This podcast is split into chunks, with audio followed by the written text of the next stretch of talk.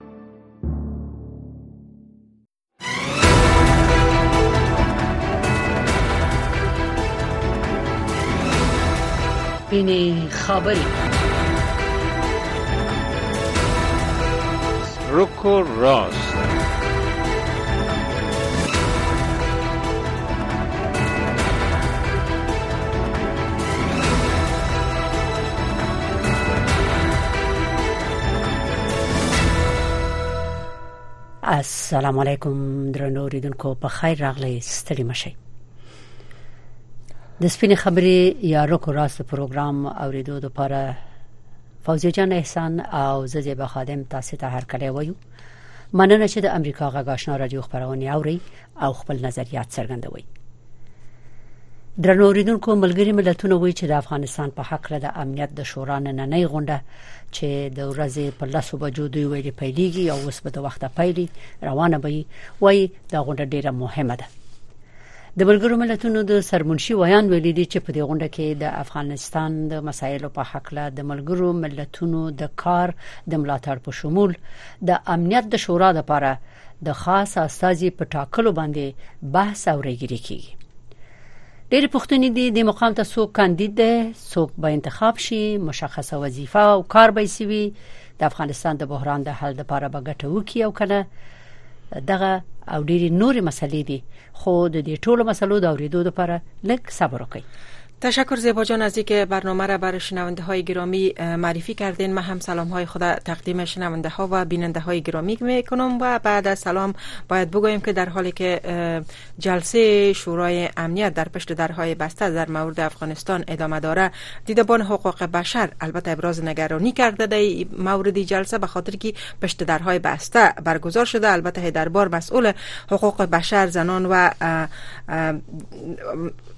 زنان در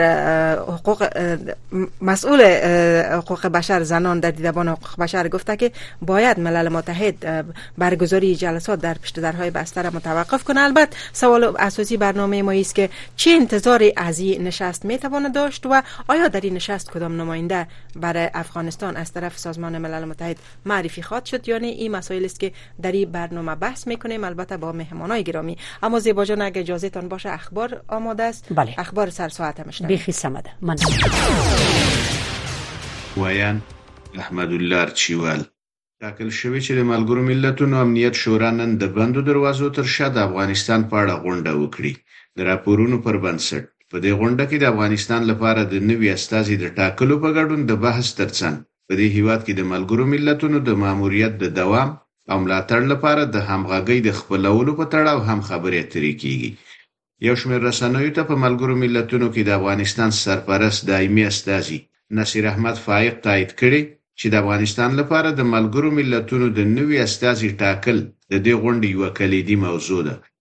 او ترڅنګ به یې د دې سازمان سرمنشي انتونیو ګوتیرش د دوحې د غونډې په تړاو خپل راپور او د نوي استازي د ټاکلو په اړه خپل وړاندیزونه د غونډې ګډونوالو ته وړاندې کړي.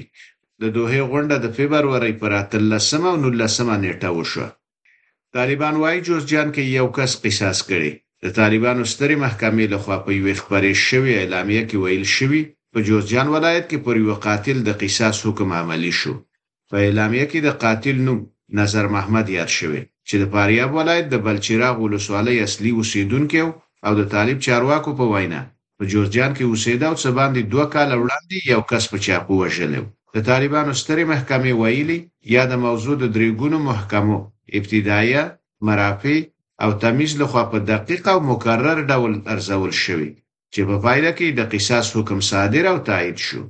د طالبانو د حکومت د عامې روغتیا وزارت وايي، د کوچنیانو د پولیو ضد واکسین کمپاین په ترڅ کې به چې نن د افغانستان په یوویشتو ولایتونو کې پیل شو، تر پنځو کلونو کم عمره اوه اعشاریه شپږ میلیونه کوچنیان واکسین شي. د دې وزارت ویاند شرافت زمان د طالبانو تر کنټرول لاندې باختر خبري اژانس ته ویلي، چې د پولیو د واکسین دغه دویم فرعي کمپاین به څلور ورځې دوام وکړي.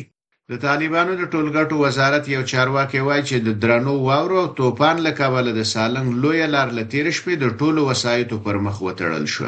د دغه وزارت ویان محمد اشرف حق شناس نن په خپل ایکس شبکه یې په خواني ټوئیټر کې لیکلي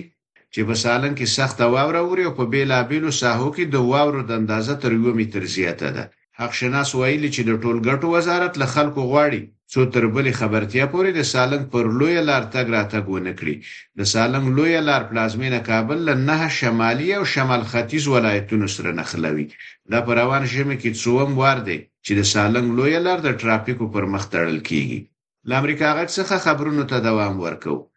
د اسرایل پوز د غزې له سویلي ښار رفاه څخه د فلسطینی ولسی وګړو د ایستلو پلان د حکومت جنگي کابینې ته سپارلې دا وړاندیز وروسته له هغه شوه چې د اسرایل لومړي وزیر بنیامین نتنیاهو ژمنه وکړه چې د رفاه په ښار کې د اټکل شوی یو نیم میلیون وګړو د وضعیت په اړه د نړیوالو لاندېښنې سره سره د پوزي بریدونو لپاره فشار راوړي نتنیاهو ټینګار وکړ چې دا پوځي عملیات کولی شي چې د هغه هیواد په څو اونیو کې د حماس پر وړاندې بشپړې بریا ته ورسوي. د هنګري پارلمان نن په ناټو کې د سویډن غړیتوب ته رایه ورکوي. په دې اړه مو دې راپور ته پام راګرځوو. تمه ده چې هنګري نن په ناتو کې د سویډن غړیتوب تصویب کړي او په دې سره به د شمالي اروپا د دې هواد پر وړاندې چې د دوو نړیوالو جګړو او هم له هغه وروسته د سړې جګړې په موده کې ناپیلې پاتې شوی ورسته خند لری شي اټکل کیږي چې د هنګری په پارلمان کې نن په دې اړه د رایو اخیستو بهیر خپه مخلاړ شي او هغه هم وروسته لدی چې د سویډن صدر اعظم اولف کریسترشون د تیر شنبه په ورځ د فبرवरी په 23مه له هنګری نه د کتنې په ترڅ کې د دواړو هیوادونو ترمنځ د وسلو یو موافقه لاسلیک کړه د هنګری له نننی اقدام سره په ناتو کې د سویډن د غړیتوب پروسه چې څو میاشتې ځنډېدلې بشپړ شي ناشاباشنا امریکا غاک واشنگټن ایران د امریکا د متحده ایالاتونو او بریتانیې لخوا پر یمن تازه بریدونه وغندل او وی ویل چې دا هیوادونه هڅه کوي چې په سیمه کې د کړکېچ زیاتېدو ته لمن ووهي د امریکا او بریتانیې ځواکونو د شنبه پر ورځ په یمن کې د ایران لملاتړه د برخمنو حوثي یاغیانو پر 13 اهدافو بریدونه کړي دا بریدونه په سره سمندرګي او عدن خلیج کې د حوثي یاغیانو لخوا د بریدونو په ځواب کې وشو. د ایران د بهرنیو چارو وزارت ویاند ناصر کنعاني په یوه اعلامیه کې ویلي، امریکا او بریتانیا په دغسې بریدونو سره په سیمه کې د کړکېچ د زیاتولو هڅه کوي او غواړي د جګړې او بې ثباتۍ لمن پراخه کړي. د لوبو له ډګره وروستۍ خبر دا دی چې د افغانستان کرکټ بورډ ادارې د ایرلینډ پر وړاندې یوازینۍ ټیسټ سیالۍ ته شپاړس کسیزه لوبډله اعلان کړه ټاکل شوې چې دغه ټیسټ سیالي د فبرورۍ پر اته یشتمه نېټه د عربي متحده امارتو په ابوظابۍ ښار کې پیل شي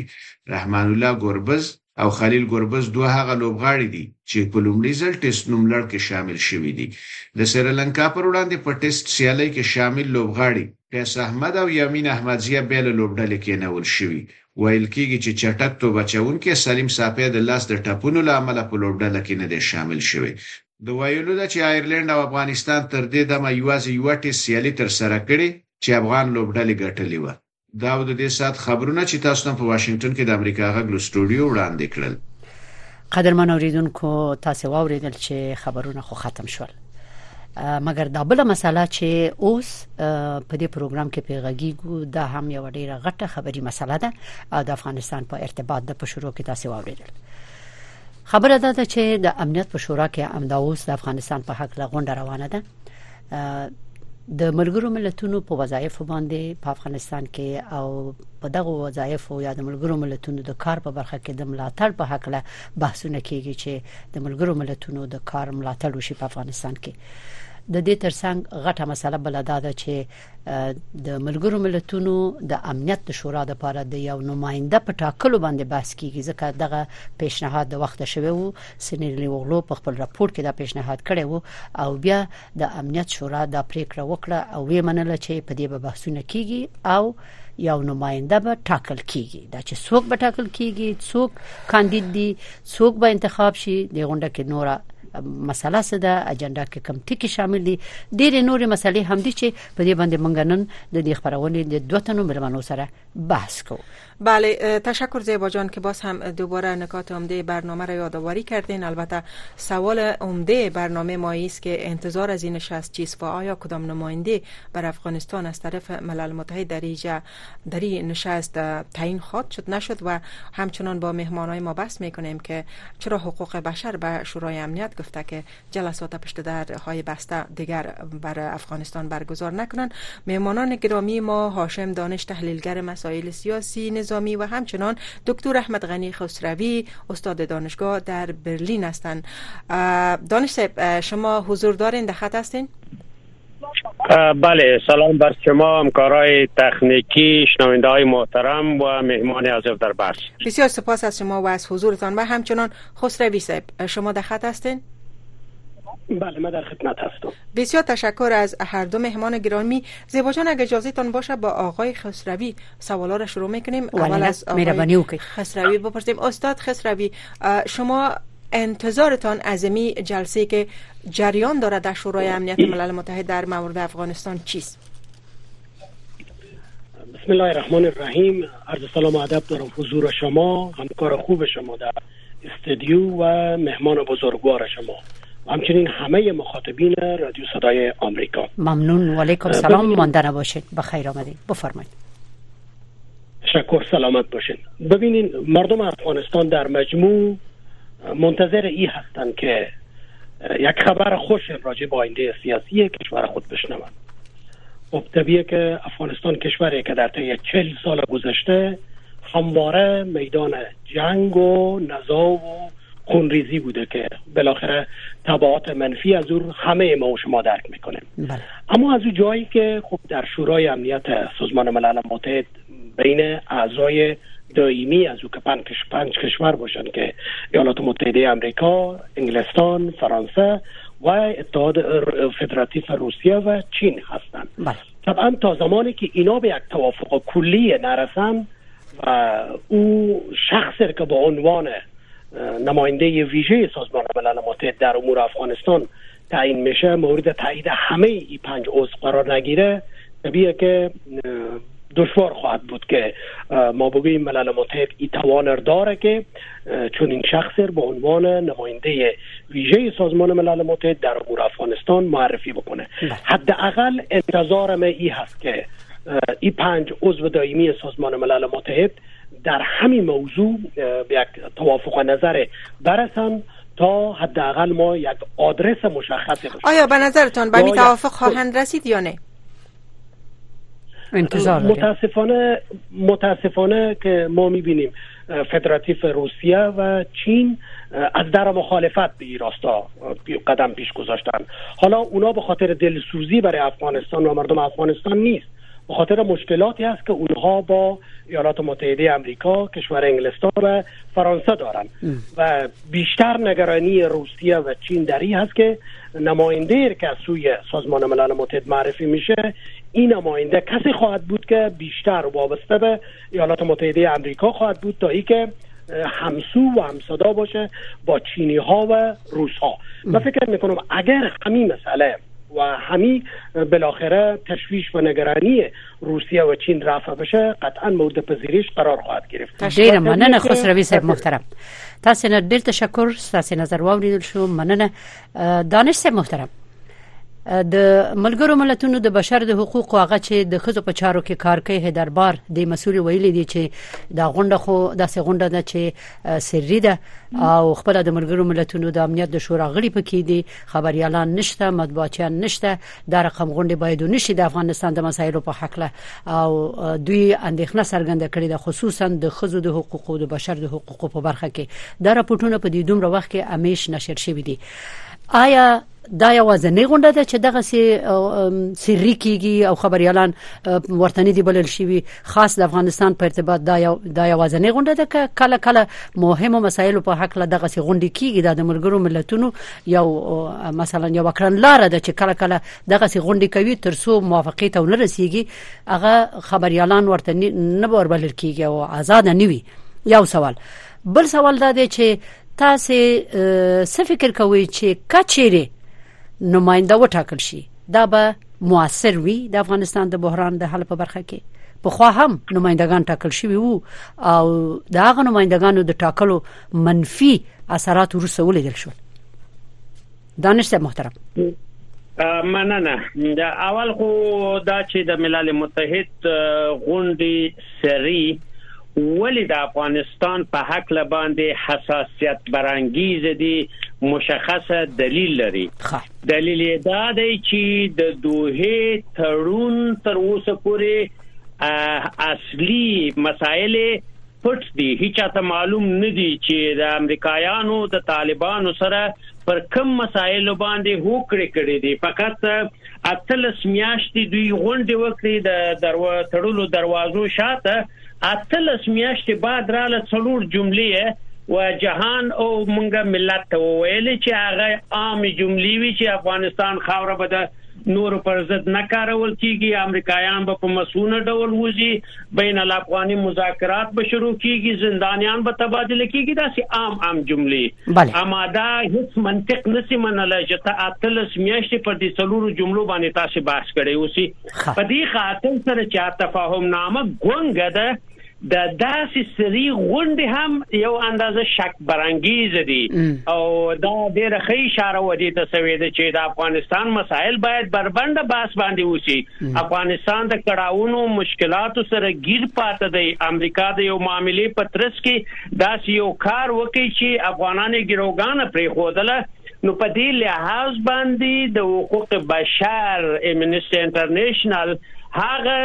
کارونه چې دوی څاري او هغه سرغړونې چې د حقوق بشر په اړه باندې کیږي او د افغانستان د سرنوشت په اړه بیا د تړلو دروازو شاته تصمیم نیول کیږي دا سره ضد نقیز دي او جهان غواړي چې د دې پریکړو په مسایلو باندې باید پوسی بل مسله دا د چی نماینده څومره ماسریت لري اوله مسله خدا د چی د نماینده تاکل په اوس شرایط کې اړینه پدید چی که نماینده و نه تاکل سی دا معنا ورکی چی د افغانستان حقیقت او واقعیت واجب طالبان دي طالبان دي چې باید د جهان سره تعامل وکي جهان سره جوړ راسي د تنها باید دوی حکومت جوړ کړي دا د نماینده نشټون په ترڅ کې چې روسان چینایان او ایرانیان پر دې باندې ډیر پاپ شریکي چې نه باید نماینده وټاکل سي دوی د طالبانو ودغه نظر ته ګوري که نماینده وټاکل سي په دې معنی ده چې طالبان یو بخش ته دی واقعیت د افغانستان دی نور کسان هم وجود لري نور افغانان هم وجود لري تاسو ته جوته ده چې د طالبانو پر اتاک سره څلويخ فیصد افغانان د باندې پاتې دي ماجر سوي دي وتلي دي بخصوص سیاسي چیرې او هغه کسان چې د افغانستان د سرنوشت په هکله باندې صاحب نظر دي نو که ما نماینده وټاکل سي هغه کسان هم شامل د پروسې کېدای سي که نماینده و نه ټاکل سي یوازې طالب شامل د پروسې دی دا مسئله ده چې اصلا سوال برانګیز او طالب دا نه مني دا مسئله ده چې ایرانیان روسان د طالبانو په بغل کې ولاړ دي او دوی تشویقي ودی ته چې تاسو د امریکا د دغه نظر په مقابل کې عکس العمل وخی تاسو دا مو ورسره منئ تاسو د افغانستان واقعیت او تاسو باید حکومت جوړ کړئ ماسریت په دې کې دی شي د آینده د پر هر حکومت چې جوړیږي هغه باید د طالب او د افغانستان د خلکو په شمولیت باندې باید جوړ شي سیاسيون باید په هغه کې دخیل شي هغه باید یو پراخ بنسټ حکومت وسی چې پر مبنا د یو تخصص وسی دا خو یو ګورو په یو خاص ایدئولوژي او خاص مفکورې باندې راغلې ده مولا شاهي سیستم جوړ کړی دی فقط طالبان دي چې مقرر دي بل هیڅوک چاته اجازه نه ورکوي دا یو مفکوره یو ایدئولوژي د افغانستان د دردو علاج نشي کېدلی بل دانش صاحب یو سوال بل لرم فوزیه جان ډیرو بخی تاسو ته معلومات شته یا چیرته مو لوستي دي چې څو کسه کاندید دي دغه مقام ته او هغه به څوک وظیفه به شي دا چې مشخص ډول باندې خودي او صاحب کرټریا او شاخصونه وړاندې کړی دي چې دا باید هغه کسان وسی چې یا د عربي و یا د ترکی تابعیت لرونکي خلک باید وسی چې افغانانو سره یعنی به خصوص کچې ته عربي باندې ډیر بلدیت ولري د تعامل د پاره به ډیر خز جبه ولري او کېدای شي چې داسې دغه سي دا چې مشخص څوک به تاکي تر اوسه پورې په دې باندې باسونه جریان لري ولی عمومي مفکوره پر دې د چې د ترکانو نفوس په افغانستان کې او د عربي ملکو د دغه دوو ملکو د تابعیونو په حق باندې ډیر باس روان دي تشکر مننه ممنون شما دانش صاحب خسروی صاحب اول کوتا نظرتونه در رابطه به صحبت دانش صاحب هم میخوایم که اونا گفتن مسئله دوحه بود که مخالفتی که آلا به سروی بودن جلسه هستی که اونا گفتن توافق نامه دوحه در اول چندان واضح نبود و مسائل بعدی باعث شد که مردم به این بدبین شوند به نظر شما کوتا اگر بگوین چرا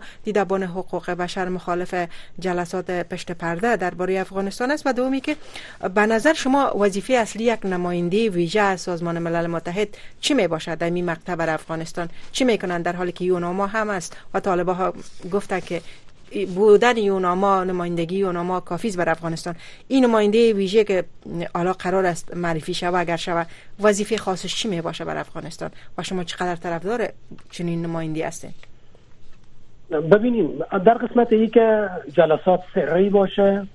خیلی هم جای بحث از نظر من نیست به خاطر از اینکه خب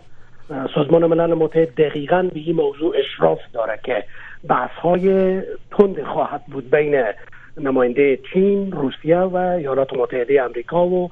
فرانسه و همچنین دولت انگلستان و سایر اعضا به همین خاطر نمیخوان که این موضوعات به بیرون درس پیدا بکنه اگر ما متوجه بوده باشیم همین جلسه دو هم به پشت دروازه بسته بله. دایر شد خب، به هر صورت این تقریبا این به یک رسم تبدیل شده دیگه در در موضوعات حالا شکل سریر داره تا اینکه اوپن باشه که من خیلی بله. سر از این پافشاری نمیکنم اما در قسمت این شما پرسیدین که خب همین فایده همین نماینده ویژه بله. سازمان ملل متحد برای افغانستان چی هست بله. من میخوام این یادآوری بکنم که قرار نیست هر روز جلسات بسیار بزرگ دایر بشه افراد و اشخاص مختلف و متفاوت و یکی از کشورها دعوت بشن که خب ای هم نیاز به هزینه سنگینی داره و هم نیاز به زمان بیشتر داره و افراد بیشتر میطلبه در تو جلسات اشتراک بکنن پس یک راه کوتاه و میان بره اگر خواسته باشین برای در نظر بگیریم او است که یک نماینده خاص از سوی سازمان ملل متحد معرفی میشه و همین نماینده خاص به کشورهایی که در همین قضایای افغانستان دخیل هستن رفت آمد میکنه و طبعا با اینا نشست و مذاکرات داره و درخواست های جامعه جهانی برای طالبان میرسونه و خواست های طالبان به اونا انتقال, انتقال میده و در حقیقت حکم یک پول ارتباطی یک آدرس دقیقی داره که هر دو طرف میتونن سر از او بیان های خود به به دیگر منتقل بکنن تا که هر روز ما بیایم افراد زیاد دعوت بکنن و در یکی از هتل های مجلل روزها برای از برنامه ریزی بکنن این خیلی راه آسانی است و از طرف یه از یاد ما و شما نره که به هیچ عنوان تعیین نماینده ویژه سازمان ملل متحد به امور افغانستان به ضرر افغانستان نیست به افغانستان درست از چند جهت میشه به این موضوع ما بیایم نگاه داشته باشیم بله. وقتی حالا چرا بعضی از کشورها به این مسئله مخالفت میکنن بله. به خاطر از اینکه خود از اینا پایشان در همین مسئله گیر هست به طور مثال چین مشکلاتی داره با ایالات متحده آمریکا مثلا نقض حقوق بشری داره و خیلی از چیزهای دیگه داره مشکلات سیاسی و اقتصادی داره با ایالات متحده آمریکا و هم پیمانان هست به عین ترتیب روسیه خود از او غرق هست در مسائل نقض حقوق بشری در مسائل اوکراین و چیزهای دیگه و همچنین هم پیمانان آنها پس بنان بخوای برای اینها باید مخالفت بکنن و اینها مخالفتشون به خاطر افغانستان نیست به خاطر همون رقابت هایی است که با ایالات متحده آمریکا و همپیمانان از دارن بله. پس بنابراین ما در افغانستان امروز مشکلات عدیده داریم بله. خب طبیعه که اگر قرار باشه اگر قرار باشه نماینده ویژه تعیین نشه همون قسمی که جناب آقای دانش یادآوری کردن بله. طالبان خود حاکمان فصل افغانستان حساب میکنن میگن افغانستان رو ما گرفتیم افغانستان در تحت حاکمیت ما هست و ما هیچ کس دیگری هم قبول نداریم نه جامعه مدنی قبول داریم نه زنار قبول داریم نه عذاب قبول داریم نه جریان های سیاسی قبول داریم و نه جریان های اجتماعی پس بنابراین جهان باید مستقیم با ما مذاکره بکنه و این ما هستیم که در مورد افغانستان تصمیم میگیریم پس بنابراین این بسیار یک طرفه و است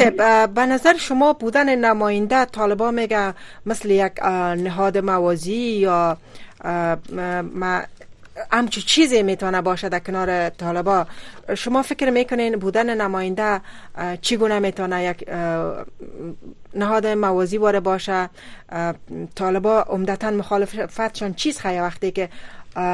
یک نماینده به نظر شما میتونه تمام امور با صحبت کنه با کشورهای دیگه فرق وزارت خارجه یک کشور با یک نماینده سازمان ملل چیست پس طالبان ای اکتر دارن میکنن که ما یک کشور مستقل هستیم و یک حاکمیت مشروعی هم در افغانستان فعلا حاکم هست که او حاکمیت مشروع خودشان هستند در حالی که طالبان فراموش میکنن که ما در افغانستان مشکلات بسیار زیادی امروز داریم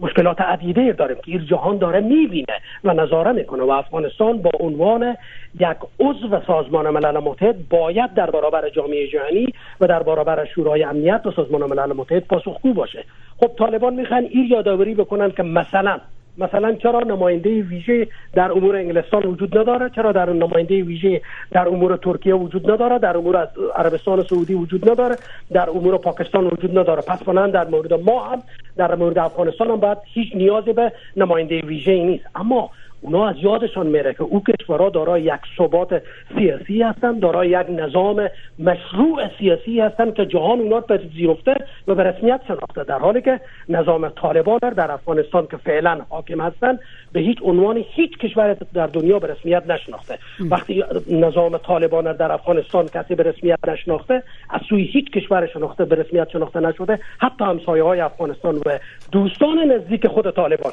این به این معنا است که در افغانستان مشکلاتی وجود داره پس بنان در کشوری که مشکل وجود داره و کشوری که در اونجا مسائل عدیده سیاسی روی هم انباشته شده به عنوان یک مشکل بخوایم و نخواهیم سازمان ملل متحد این وظیفه داره که یک نماینده ویژه در امور افغانستان معرفی بکنه تا این نماینده ویژه مو قسمی که یادآوری کردم حکم یک پل یا یک رابطه داشته باشه بین جامعه جهانی بین کشورهای داخل که در امور افغانستان دخیل هستند و حاکمیت موجوده که طالبان باشه تشکر میکنیم از شما خسروی صاحب محترم یو ټکی طالبان چې وی چې یوناما شته ده نو بل نماینده ته ضرورت نشته ده دغه نماینده چې ټاکل کیږي د خو زیاتره په دغه سیاسي مسلې کې وي دغه لکه تاسو چې ویلي یو ارتباط به وي د طالبانو نړیوالو او د ملګرو ملتونو ترمنځ چې مسله حل شي د نورو مسایلو لپاره که یو د یونما د یا نور مؤسسې دی هغه د نورو مسلو غم خوري په افغانستان کې د دې نماینده کار به زیاتره دغه د سیاسي بحران حل وي خا اوس د بیرته راځم ساسې په اجازه خسروي صاحب غواړم چې د دانش صاحب نظر هم یو ځل وورو دانش صاحب محترم دغه د نماینده د ټاکلو په برخه کې ځنې د سې نظر ورکوي چې مخکې هم بلنسیوانو ټاکل شو او مسله په یو ځدی چې حل شي حل نشو بحران حل نشو بلکې دغه بحران نور بحرانونه وزیږیدل د هغه وخت شرایط او د دې وخت شرایط که تاسو مقایسه کړئ دا یو چې فرق څه دی او هغه خو ویل خسروي سی ویل چې د نماینده ټاکل په هر حال کې په هر شرایطو کې مفید دي د افغانستان د بحران د حل لپاره یو لار ده نو ګوتیر شو ویل چې یو سولېز افغانستان غواړو د قطر د غونډې نه روسته او یو داسې افغانستان چې خپل ګاونډیانو سره ښه ارتباط ولري سوله کې ژوند وکړي او د ملي حاکمیت خاوند وي دغه د نماینده ټاکل د ملي حاکمیت هغه درلودل لپاره لار برابرې دانش ګورې زه یو شی غواړم چې وایم دا اشتباه ډاکټر نجیب هم وکړه دا اشتباه اشرف غنی هم وکړه او دا اشتباه طالبان هم کوي ډاکټر نجیب هم غوښتل چې د بینانسیوان طرح د موافقیت رمز فقط په دې کې بولل چې د په قدرت کې پاتې شي ويا شريک د قدرت وسی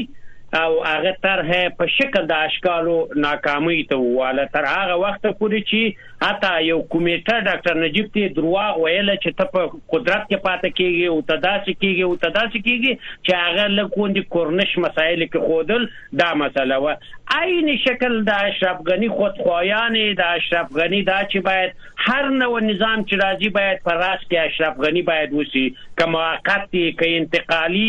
په هغه وخت کې د زلمی خلیلزاده سره کم په در کشتګي نه درلوده د زلمی خلیلزاده سره مخالفت په دی کې و چې خلیلزاد ویل چې یو دریم غني څوک به راځي قدرت بنسي نه به طالب نه به اشرف غني یو دریم ګونی کس به راځي قدرت به نیسي او افغانستان ته به یو سولهیزه لار همواري او دا به باعث د دې شي چې یو سولهمیز انتقال صورت ونیسي دا به باعث د دې شي چې افغانستان منځوي نه چې لکه دا اوس چې ټول دروازې باندې تړلې اقتصادي تحریمات او دا مشکلات متاسفانه د اشرف غنی خودخواهی اشرف غنی ویل یا زه یا طالب دریم ګونی نه منم دا باعث د دې سو چې اشرف غني وتښتي دي قدرت طالب ته عین اشتباه فعلا طالبان کوي طالبان اوس دا وایي چې موږ قدرت نیولای دی هر حکومت چې جوړیږي زمونږ په چوکاټ کې دی جوړ شي ښه مونږ به وزارت یو چاته ورکو مونږ به مینت یو چاته ورکو خو قدرت راس به زمونږ زمونږ بیعت به کوي، زمونږ تر چتر لاندې به ژوند کوي، زمونږ شی به مني،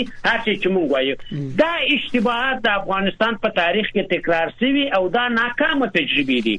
دې د ډاکټر نجیب سر وخوړی، دې د اشرف غني فرار ته مو مواجه کړ او بیا به د طالبانو سرنوشت هم د بد حالاتو سره مخامخ کړي. نو زما طرح او پیشنهاد دا دی چې دا د ملي حاکمیت مسله چې تاسو وایي چې دا ملي حاکمیت ته فائدہ لري کنه لري دا د افغانستان د یو صلحامیز رای حل د پاره مخنیوي د پاره د خوندیزي د جلوګيري د پاره موثر ترين لار دا ده کته نن ورسره د نور کسان په قدرت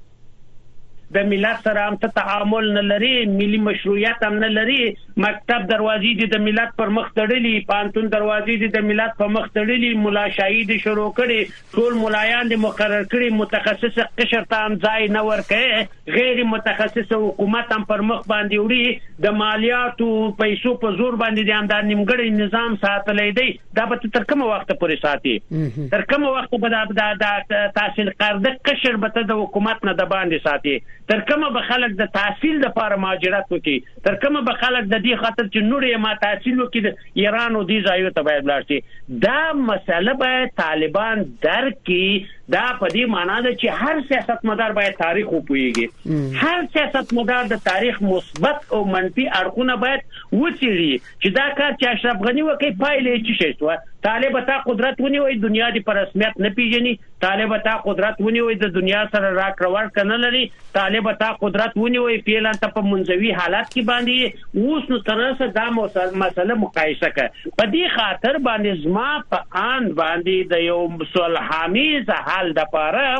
بهتره دا ده چې یو یو گفتمان خلاصي که طالب تا گفتمان خلاص کړی وای دوه نیم کاله تا وخت درلود تا تر دې چې مثلا دا کمیټه چې تا تعین کړ چې کسان راسي موږ ته د بیات وکړي هغه فورمي به ډکوي په فورمو کې د لس دولس شرطونه ورته یې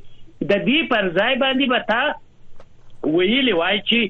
ټول حزاب ازاد دی سیاسی ګفتمان شروع دی راځی چی د افغانستان پر آینده باندی لوی جرګه جوړو د افغانستان د بهر نام کسان راغواړو په دی لوی جرګی کی به د افغانستان د آینده د حکومت لپاره بحث وکړو که داسې کړنلاره طالب جوړه کړې وای نو خاص نماینده تاسو ته ضرورت نشته دا په ذات کې توهین دی افغانانو ته چې افغانان په خپل نه جوړیږي مجبور دی چې ملل ملل متحد ولې اوکراین ته نماینده نه ټاکي ملل متحد ولې غزې ته نه ټاکي ولې عراق ولې سوریه دا ځایونه چې دک د تشنج او د مشکلاتو څخه دي په دې معنی چې افغانستان تر اوسه د دنیا په فوکس کې دی په توجه کې دی او دا پویږي چې افغانان خپل مشکل په خپل نه سي حلولای افغان بدبختی دا چې هر چا چې قدرت ونیوي دا نور غواړي چې د دوی تابع وسي هیڅ وخت د منطق د استدلال د گفتمان د د د تحمل او د تحس تساهل دا مسائل په افغانانو کې نشته هر ځای چې قدرت ونی دانش صاحب محترم دانش صاحب محترم کله کله زمنګ اوریدونکو او استاسو د کارپوهان چې راځي تحلیل کوي ځنې ټکی وي په موږ باندې بد لګيږي نو دا چې افغانان خپل کې نشي جوړې دي ځنې دا نه مني وای چې افغانان په خپل کې جوړېدي شي جوړ کړي دي حکومتونه مګر اوس وې د شرایط دي چې دنیا د افغانان نه پریدي په دې سلويختو کلونو کې په افغانستان کې وې د ممالکو او د لوی قدرتونو دومره لاس وهلې ده چې دغه نوې نسل یا د دوه نسل بيخي اصلا وې تنلار ورکه ده د سره موافق د سره موافق یا نه پاکستاني سره یو میز کې بحث درلود پاکستاني تما ویل چې درو څلوېښت کاله افغانستان تاسې پربخته کړ، تباه مو کړ، مونږ پلچکان مو وړانګ کړه، زمونږ مدرسې مو وړاندې کړې، زمونږ ښارونه پاکستاني په جواب کې ماته ویل چې کوم پاکستانی راغلی دی په دې کابل کې انفجار ورکړی دی خو انفجار تا افغاني ور کړی دی پلچک تا افغاني وړاند کړی دی سړک تا افغاني وړاند کړی ستا په وګو می جهاد وکړي روسان می در باندې مات کړ ستا په وګو می طالب جوړ کړي ستا په وګو می داعش جوړ کړي ستا په وګو می دا جوړ کړ هغه می جوړ کړ یوویشت ترهګړي ګروپونه مې جوړ کړ ښه نو که افغان وایي چې ما جوړ کړی دی زه وایم چې اشرف غنی که واقعیت خبره دا وای اشرف غنی د سولې پروسه په موافقت باندې رسولې وای موږ دا مشکلات پیلا نه درلود ټول افغانان به په افغانستان کې وای نه به امریکا ته د تایرو د بالا څخه څوک لیدلای نه هیڅ طالب راتی جز د حکومت کېدی حکومت جوړېدی ټول خیر و خیریت و سوله و دا د افغان استعداد و که ډاکټر نجیب خپل د خودخواهی نه راکته سوی او مجاهدینو غټ غټ شعارونه نه وای ورکړی خو رای حل دغه و چې مجاهدین راته تیار حکومت تیار فوج تیار سیستم ټول خپل کار مخته وای څه مشکلات و چې دا دغه نو که چیرته افغانان وای چې مونږ دا استعداد لرو خارجیان خارجيان خو ستا په ذريعه کوي دغه فعلا چې طالب خارجيان غواړي چې بل جنگ تدامن هوي د چا په ذريعه وي خو دا په خواني قومندانان مسلکي دغه په خواني جهادي رهبران مسلکي دا بیا چې د پاکستان څخه بیا ته ودی ته جابي دغه لند وخت کې د آی اس آی خاص نماینده تر هغه ترکیه ته پر دوی باندې وګرځیدي د انګلیس د نماینده سره ورته ډاټ ورکړي چې تاسو ته پیسې هم درکو امکانات هم درکو پاکستان به ستاسو پښتې جابې راځي جنگ وکړي خو دغه افغان دي چې بیرته دي جنگ ته آیا د انګلیس څخه څوک راځي جنگ کوي آیا د پاکستان جنرال په جنگ کې تا تر اوسه لیدل چې څو جنرالان د پاکستان په جنگ کې مړ شو خو په دې معنی چې د افغان په ذریعہ کې زه وایم چې افغان ته تر اوسه پوری پر هغه مفکورې باندې نه راغلی چې هغه مفکوره د تعامل وسی هغه د همپذیری وسی هغه صحیح دی چې تلويخ کاله یو یې ته حزب دیموکراتیک کړې یو یې مجاهد کړې دیارلس کاله یې وجنګولې دیارلس کاله بعد لاړې په یو پارلمان کې کېنستلې ښه بیا یو جمهوریت کړې یو یې طالب کړې شل کاله وجنګېدې بیا جمهوریت او طالب رالی پر یوې کاسې باندې ناست پر یو ځای باندې ډوډۍ خوري نو تا افغان ولې پر حقل باندې نه راځي چې جنګ طالب د چا نماینده او جمهوریت د چا نماینده ولی اوس تاسی او جمهوریت خپل په منځ کی مشکلات نه لری مجاهده تا او خلقی ولی په پارلمان کی هیڅ مشکلات نه ده ګلاب زی هم په پارلمان کی او استاد سیاف هم په پارلمان کی او علمی هم په پارلمان کی او استاد سیاف هم ربانی هم په پارلمان کی او دغه علمی او دغه استاد ربانی او د بل وینی سره سکلی ولی په یو پارلمان کی سره کینسی چې هلته سویچ په تاسی باندې ګل کی خارجانو تاسی رالی کینسی نو ته استاد ربانی او ته علمی ولی په عقل باندې رانغلسی د دې پسه دا جنګ چې کېږي دا خارجان دي چې مونږ هڅي بیرته چې پر مونږ باندې سویچ ګل کې مونږ بیرته د خپل په منځ کې سره کینو نه چې سویچ چالان وو چې پیسې یې درکولې چې انرژي یې درکوله راسه کینو تا وروره ته افغان یې زه ته ولې یو بل سره مړ کوو هیڅ مشکلات نشته دا د بارني پالیسيان دي د بارني کارونه دي مونږ تاسو باید یو بل سره ومنو ولې نایب الله وستان نور افغانان نه مني ولې طالبان نور افغانان ولې نه مني ولې دوی ځای نه ورکي په حکومت کې دا حکومت یې میراثي د ځان ګڼلی دی ولې اشرف غني د حکومت میراثي د ځان ګڼلی او طالب ته ځای نه طالبانو د کرزي په وخت کې یو ولایت مونږ ته راکړي چې مونږ راسو په هغه ولایت کې خپل تشکیلات جوړ کو گفتمان افغاني شروع کو کرزي قطعا اجازه نه درکوم د امریکایانو په زور دومره مغرور وو چې تر اخر په یو ولایت یو ولسوالي نه ورکو چې طالبان خپل رابري راوړي او خبرو ته سره کینی ډیره مننه چې طالب راغی قدرت ولې تشکر میکنیم دانش صاحب از معلومات بسیار مفصل و یادآوری مشکلات تاریخی افغانستان خسروی صاحب ما با اشاره به یک موضوع بسیار مهمه که دانش بیاد کرد با شما هم شریک میکنم اونا گفتن که نماینده همچنان در کنار مسائلی که شما گفتین که میتونه یک پل بین دنیا و افغانستان باشه همچنان انتقال صلح آمیز قدرت در افغانستان صورت بگیره در موجودیت چنین نماینده آیا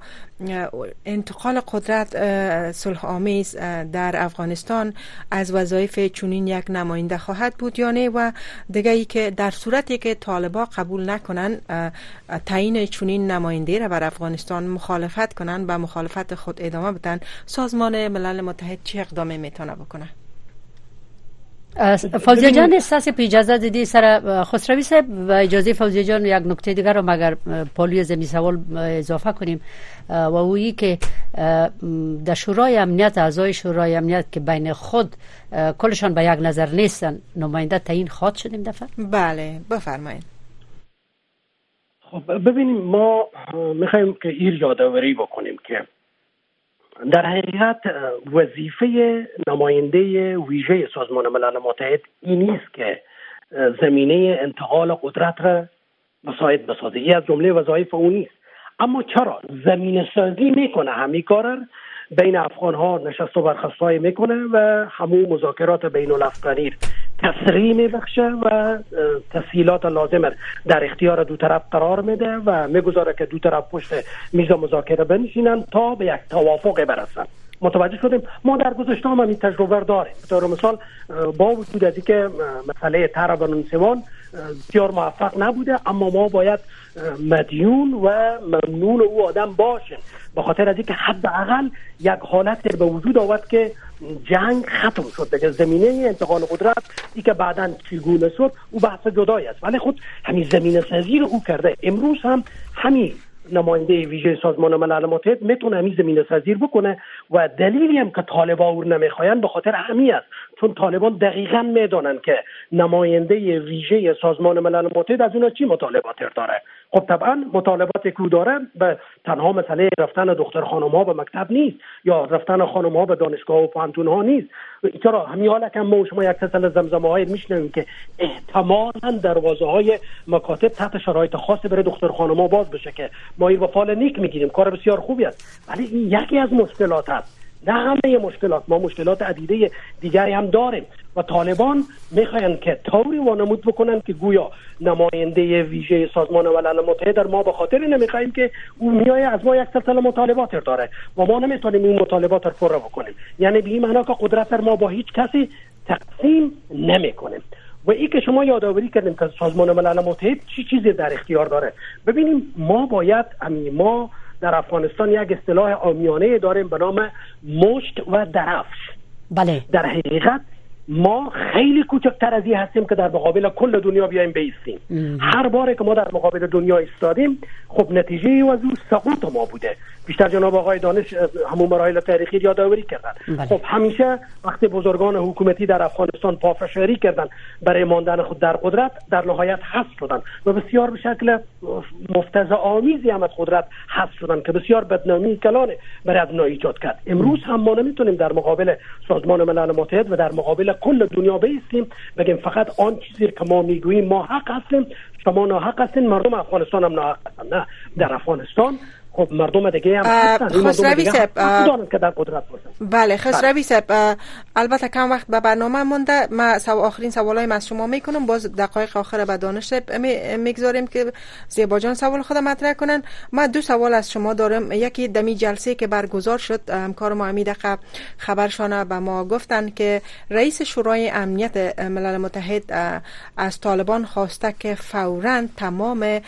فرمانهایی را لغو کنند که زنان و دختران محدود میکنه در افغانستان سوال ما است که آیا شما فکر میکنین طالبان گوش فرا خواهد داد تمکین خواهند کرد به خواست شورای امنیت و سوال دوم است که آیا اگر پنج عضو دائمی شورای سازمان ملل متحد رای نتن برای یک نماینده حتی راه دیگه هم خواد وجود داشت که باز هم نماینده تعیین شود اگر پیشتر که شما چین و روسیه را یاد کردین خلاصه بگو این سوالا را که باز بریم سوال آخر از دانشتر بگیریم ما باورم این هست که طالبان مجبور میشن که به خواست سازمان ملل متحد تن در بدن به خاطر این که ما نیاز داریم به سازمان ملل متحد به کمک های سازمان ملل متحد و به کمک های جامعه جهانی هر بار که ما همین امروز اگر ما اندک ثبات اقتصادی در افغانستان داریم به خاطر کمک هایی که جامعه جهانی به افغانستان میکنه کمک هایی که ملل متحد میکنه و در کنار از او ایالات متحده آمریکا میکنه اگر همین کمک ها نباشه خب ما از کشورهای همسایه خود بهتر نیستیم چرا ما یک ثبات پولی امروز داریم و امروز همین نگرانی ایالات متحده آمریکا داره و جهان داره و سازمان ملل متحد داره که گویا ما باید ثبات پولی در افغانستان ثابت همچنان به همین وضعیت نگه داریم تا ای که زندگی مردم بدتر از این نشه پس بناهن همین جهان هست که با پشت سر ما ایستاده که حداقل امروز ما یک ثبات پولی مناسب در افغانستان داریم پس بناهن ما بخوایم و نخواهیم ملل متحد یک سلسله تعذیرات در اختیار داره شورای امنیت سازمان ملل متحد یک سلسله تعزیزات و حربه های در اختیار داره که میتونه از اونها استفاده بکنه و طالبان را زیر فشار قرار بده و طالبان در نهایت مجبور میشن که با یک سلسله معاملات و تعاملاتی که انجام میدن بالاخره قسمتی از خواسته های جامعه جهانی قبول بکنن و من به این باور هستم که حتما طالبان همین کار میکنن و در قسمت نماینده که گفتم یک دقیقه داریم یا نمیشه بله. بسیار کوتاه برای شما یادآوری میکنم ببینیم من میخوایم اول این یادآوری بکنم طالبان چرا نماینده ویژه پاکستان در امور افغانستان پذیرفتن چرا نماینده ویژه روسیه در امور افغانستان پذیرفتن چرا نماینده ویژه ازبکستان پذیرفتن نماینده ویژه ایران پذیرفتن و سایر کشورها پذیرفتن حتی چین پذیرفتن و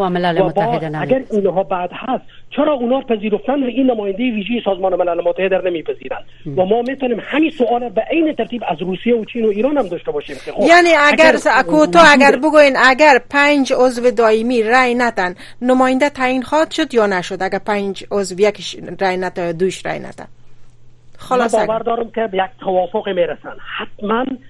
حتما بین روسیه و چین هم یک توافق با بین او سوز و دیگه میرسه و نماینده ویژه سازمان ملل متحد در امور افغانستان تعیین میشه حالا چی ما بخوایم و چی نخواهیم بله. چی ما دوست ممنون بسیار داشته باشیم نماینده ویژه سازمان ملل متحد در امور افغانستان تعیین میشه تشکر ډیر مننه خسروی صاحب محترم دانش صاحب محترم د خبرونه فقط یو سود دقیقې پاتې دي ستاسو په جواب پروګرام ختمو او خبره ده چې په راپورټونو کې راځي دغه بحثونه ډیر کیږي چې د طالبانو بدیل نشته ده او په دې برخه کې دا مسلې همیش د رادیو نوم ویل شوې دي نور هم بحثونه کړی دي چې د طالبانو د مخالفانو سره چې هغه دغه مسایل مطرح کوي اعتراضونه کوي خزي اعتراضونه کوي نور سازمانونه اعتراضونه کوي دغه سیاسيون غونډي کوي دوی ټول وایي چې باید د سه یو حکومت وي چې موږ ټول باید پکې شامل او برخه ولرو مګر دا سه رپورټونه هم راغلي دي چې د پخوانی سیاسونو خبرې نه اوریدل کیږي دوی خپل امتحان ورکړی دی او طالبان هم همدغه لا په وهي چې هغه امتحان ورکړی ناکام دي او بدیل نشته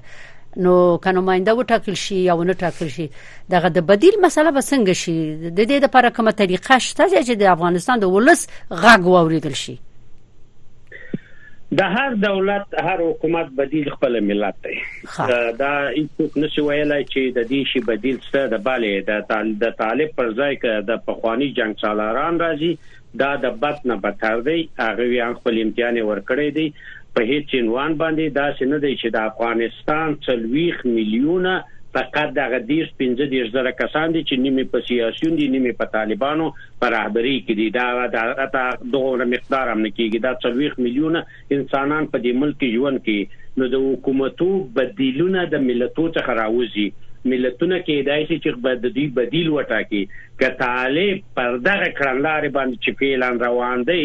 تداوم پیدا کی دوام پیدا کی دا بدیل به د خپل ملت څخه شکل ونیسي دا په دې معنی نه دی چې بدیل همیشه د باندې څخه ولاړ شي بدیل دغه سیا دغه پنځه سیاسیون دي چې را تښتیدلي دي او د ملت سرمایه یې را تښتولې د ملت ټوله شتمني یې را تښتولې دي او دلته په دې دوی خپل په دې عیش او عشرت کې ژوند کوي نه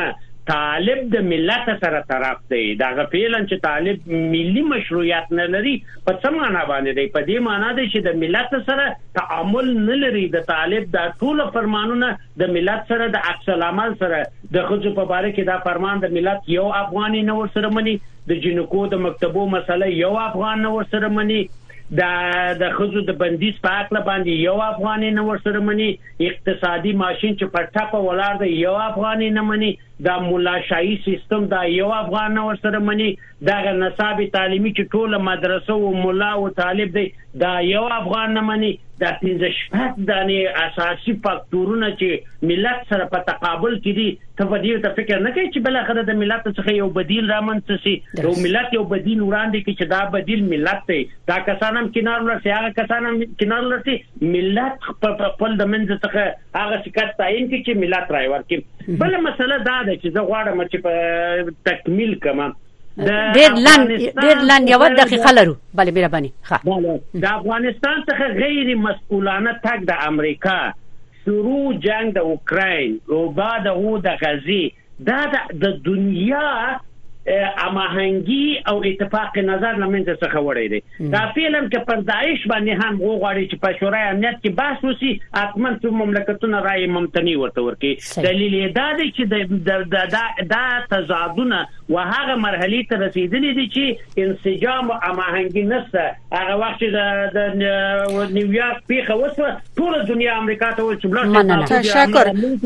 دانش صاحب بسیار نشته او دا د جهان بدبختی او مصیبت بسیار تشکر دانش صاحب اجازه زیبا جان یک کوتاه اگر در ده ثانیه بگوین شما هم انتظار دارین که نماینده بر افغانستان امروز در شورای امنیت تعیین خواهد شد چون خسروی سر به این باور هستند مطابق اصول شورای امنیت ما فکر نمی کنم به خاطر که چین و روسیه به شدت در این مورد تقابل میکنن اگر تعیین هم شو به او قوتی که ملل متحد انتظارش دارد به او قوت تعیین نمیشه بسیار تشکر مننه تشکر میکنیم از هر دو مهمان گرامی ما که در برنامه با ما بودن و معلوماتشان در رابطه به جلسه که امروز در شورای امنیت سازمان ملل متحد دایر شده در مورد افغانستان با ما شریک ساختن هاشم دانش و دکتر احمد غنی خسروی از هر دو مهمانان گرامی سپاسگزار هستیم یوه خبره بل به اضافه کو چې قدرمن اوریدونکو خبرونه واوري د غونډې ټول نتایج به په دې راتلونکو خبرونو کې یو په یو تشریح شي او کارپوهان به خپل نظریات ورکړي تاسو ټول نه مننه چې خبرونه کې برخه واخیستله یعنی خبرونه مو واوري د روس سره شي خپل نظریات څرګند کړي بله و البته باید بگویم که در شورای امنیت امروز رئیس شورای امنیت خواستاری شده که تمام فرمانهای محدود کننده